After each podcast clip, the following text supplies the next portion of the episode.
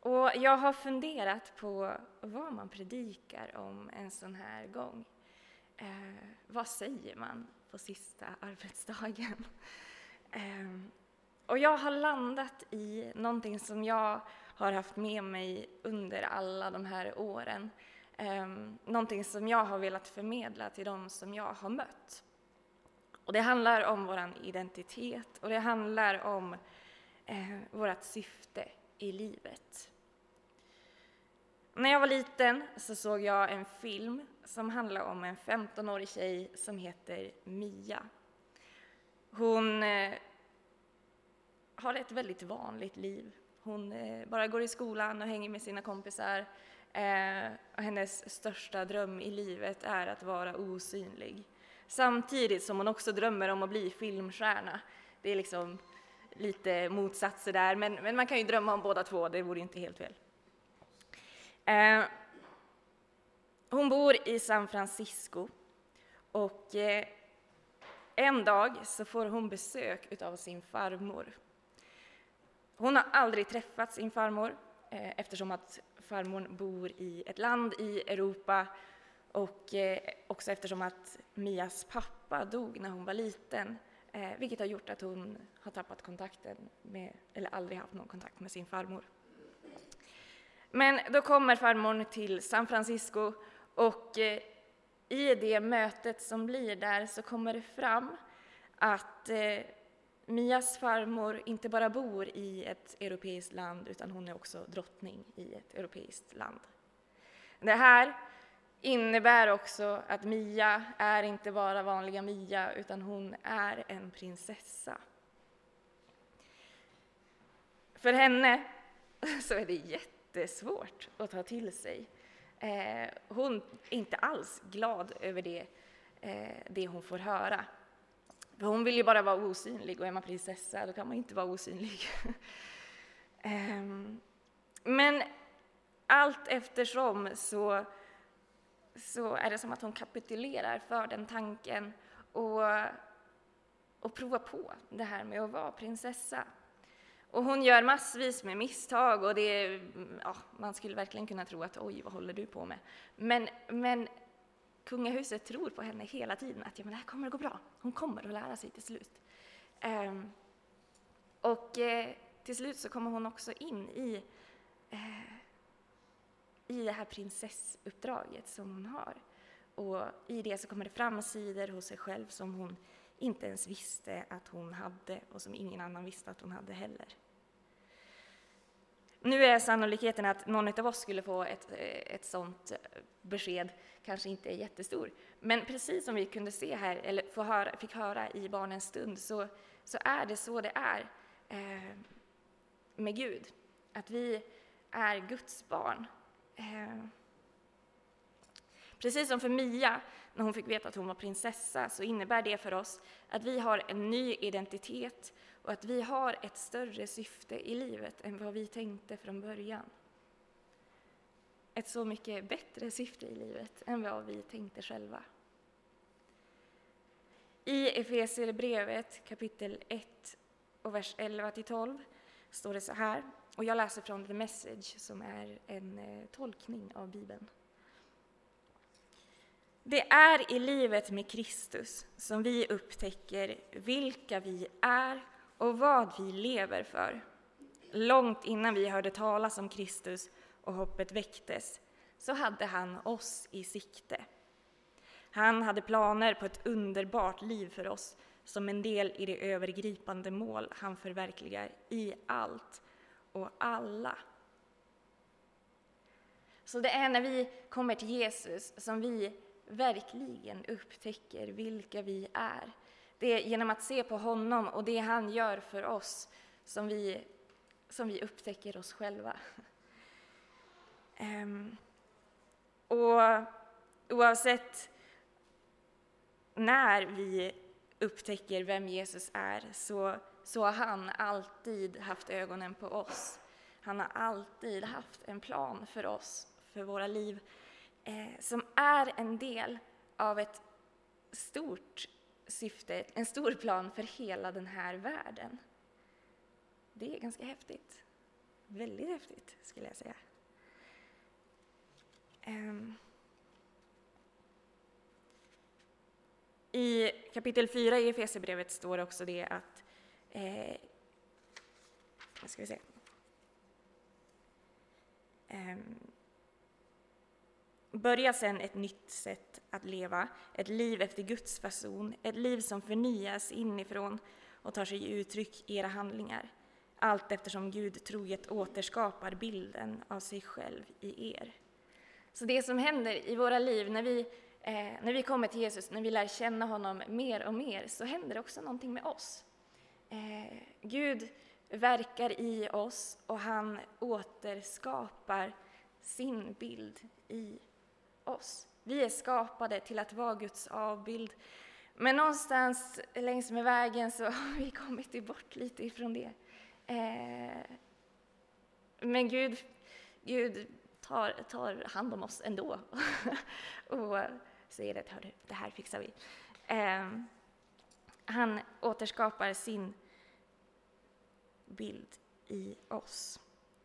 Det är någon som har sagt, jag vet inte vem det är, men det är någon som har sagt så här att kanske handlar livet inte om att bli någonting utan snarare om att bli av med det som inte är vi så att vi kan bli den vi är tänkta att vara från början. Det är ett helt annat sätt att tänka i livet. Det handlar inte om att sträva efter att, att bli någonting utan om att komma tillbaka till det som var tänkt från början. Eh, och för att vi ska komma tillbaka till det som var tänkt från början så behöver vi komma till den som vet vilka vi är från början. Eh, han som vet vilka vi är mycket bättre än oss själva, och det är Gud. Vi, måste, vi behöver, det är hos honom som vi upptäcker vilka vi är och vad vi lever för. Ehm. I Romarbrevet kapitel 12 och vers 3 står det vi kan bara förstå oss själva genom att tänka på hurdan Gud är och vad han gör för oss, inte genom att tänka på, hur, på hurdana vi är och vad vi gör för honom.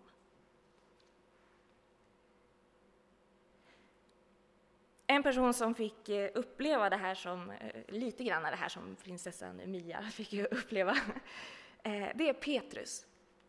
Petrus, han var fiskare eh, och han var det för att hans pappa hade varit fiskare, hans farfar hade varit fiskare och liksom, ja, långt bak i släkten så hade man varit fiskare. Eh, det var det liv som han kände till och det syfte i livet som han kände till också. Men en dag så får han möta Jesus och han får eh, bli en av Jesu lärjungar. Och eh, det finns en pastor som heter Christian Mölk som har skrivit väldigt bra om Petrus. Eh, så jag kommer att läsa ett ganska långt citat av honom, eh, men jag tyckte att det var för bra för att inte läsa det som helhet. Ehm, och han skriver så här då. När Jesus valde ut Petrus som lärjunge så framstod det nog som ett mysterium för många som kände honom. Som lärjunge så var nämligen Petrus ofta överilad, hade kraftiga humörsvängningar och gjorde nästan allting fel. Typiskt för Petrus är att han handlade först och tänkte sen. Trots att Jesus mycket väl kände till Petrus instabila natur så är bland det första Jesus ser till att göra är att ge Petrus det nya namnet Klippan. Och det måste ha uppfattats som en aning ironiskt av alla runt omkring som kände Petrus i och med att han ju var själva motsatsen till en stadig klippa. Men vägen till en stabil klippa var kantad av en lång rad misslyckanden. Speciellt känt är väl strax före korsfästelsen, där Petrus först modigt lovar Jesus att aldrig någonsin överge honom, för att bara några timmar senare både överge och förneka honom. Och det här misslyckandet tar väldigt hårt på Petrus. Men på samma sätt som Petrus förnekade Jesus tre gånger så får han också bekänna sin kärlek till Jesus tre gånger.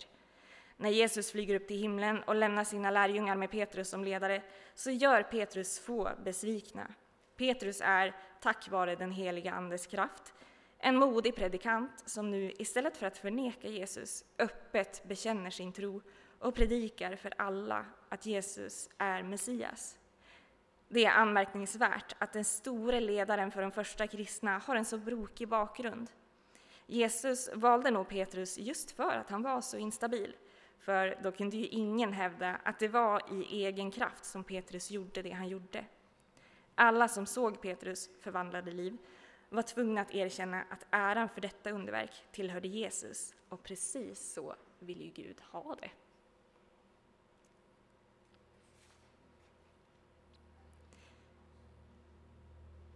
Våran svaghet, det är där som Guds kraft blir som mest tydlig. Det är där, den får, eh, får, där Guds kraft får som mest plats. Eh, och det är våra misstag och, och snedsteg som, eh, där hans nåd blir som mest tydlig också.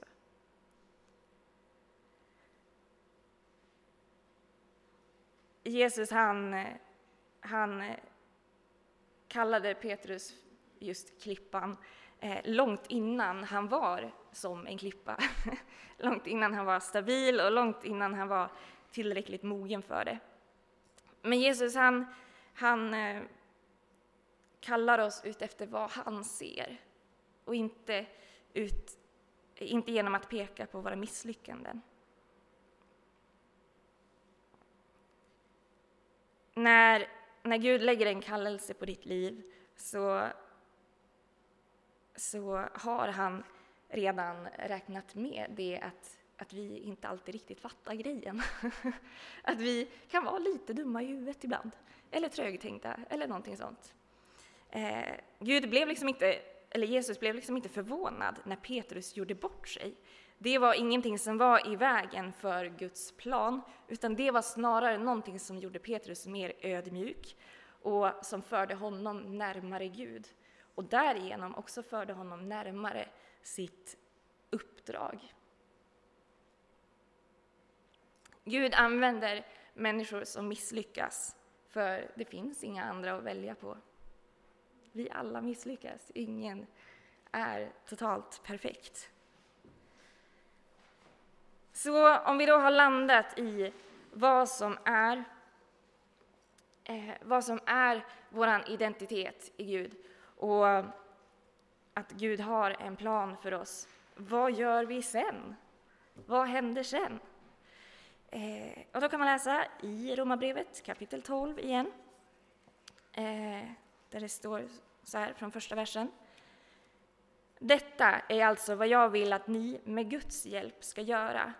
Ni ska ta allt ni gör i det, vardagliga, eh, i det vanliga vardagslivet, sova, äta, jobba, gå och bära fram det som offer till Gud. Att eh, ta emot och acceptera det som Gud gör för er är det bästa som ni kan göra för, för honom. Bli inte så välanpassade till samhället ni lever i att ni passar in utan att tänka, utan ha istället alltid Gud i tankarna. Då kommer ni att förändras inifrån. Ge akt på vad han vill och var snabba med gensvar, tvärt andan i samhället ni lever i, som skulle dra er ner till sin egen omogna nivå, så lockar Gud fram det bästa hos er och låter er mogna som människor. I vårt vardagsliv, det är där vi får visa vem Gud är. Det är där vi får eh, vara hans verktyg. Det är där vi får vara en del av den här planen som Gud har för vår värld. Eh, Och Gud är den som lockar fram det bästa i oss. Han gör någonting, han förnyar oss från insidan eh, och tar fram hans bild i oss. Ehm, ta fram det bästa i oss. Men sen är det ju så, alla dagar så känner man ju kanske inte så här bara woho, yes, bra Gud, nu kör vi. Ehm, det finns dagar då man bara känner att fy vilken skitdag. Ehm, men det är ju inte heller något hinder för Guds plan, utan Guds plan är så mycket högre än omständigheterna under just precis den här dagen, eller de här dagarna, eller den här tiden. Eh, Gud har läget under kontroll. I Predikaren kapitel 3 och 11 står det att allt vad Gud har gjort är skönt i rätta stunden. Han låter människor urskilja ett sammanhang, men aldrig kan de fatta Guds verk från början till slut. Eh, och där tänker jag just med Guds plan, att vi, vi kan inte förstå hela grejen som Gud har tänkt för oss som individer och som mänsklighet. Eh, men han låter oss få, få se bitar utav det. Um. Som avslutning på den här predikan så tänkte jag citera mig själv. Ehm. 2016 så hade den här församlingen ett tioårsjubileum. Och eh, då sa jag en sak som jag tänkte att det kan passa bra i den här predikan också. Eh, och det var om eh, när Jesus har predikat för flera tusentals människor och folk börjar på att bli hungriga. Eh, och så ska de försöka hitta om det är någon som har mat. Och eh, till slut så kommer det fram till att de har typ fem bröd och två fiskar. Jag kan ha fel där i citeringen, men det är typ så tror jag. Eh, och det kan man ju tycka att, ja men jo tjena, det räcker ju aldrig till de här tusentals människorna. Men när Jesus, när, när de ger maten till Jesus, så händer det någonting med det. Um, och det blir till någonting så mycket större. Och det räcker till alla de här människorna. Jag tänker att det är som med våra liv. När vi kommer till Jesus med det vi har, uh, vi kommer till honom med våra liv, med våra Eh, hjärtan, med våra drömmar. Eh, när vi kommer och ger det till Gud så tar han emot det och han gör det till någonting så mycket större än vad vi kan tycka att det var från början. Och han gör det till någonting som får bli ett vittnesbörd om vem han är. Så det är Gud vi upptäcker vilka vi är och vad vi lever för. Han tvingar sig inte på någon av oss, utan han, han har det här erbjudandet om att kom till mig. Eh, och vi får, vi får välja om vi vill ta det eller inte. Eh, men i livet med Gud så, så kan livet bli någonting så mycket större. Inte för att vi blir så mycket större, utan för att Gud får mycket större plats i vår värld, i våra liv.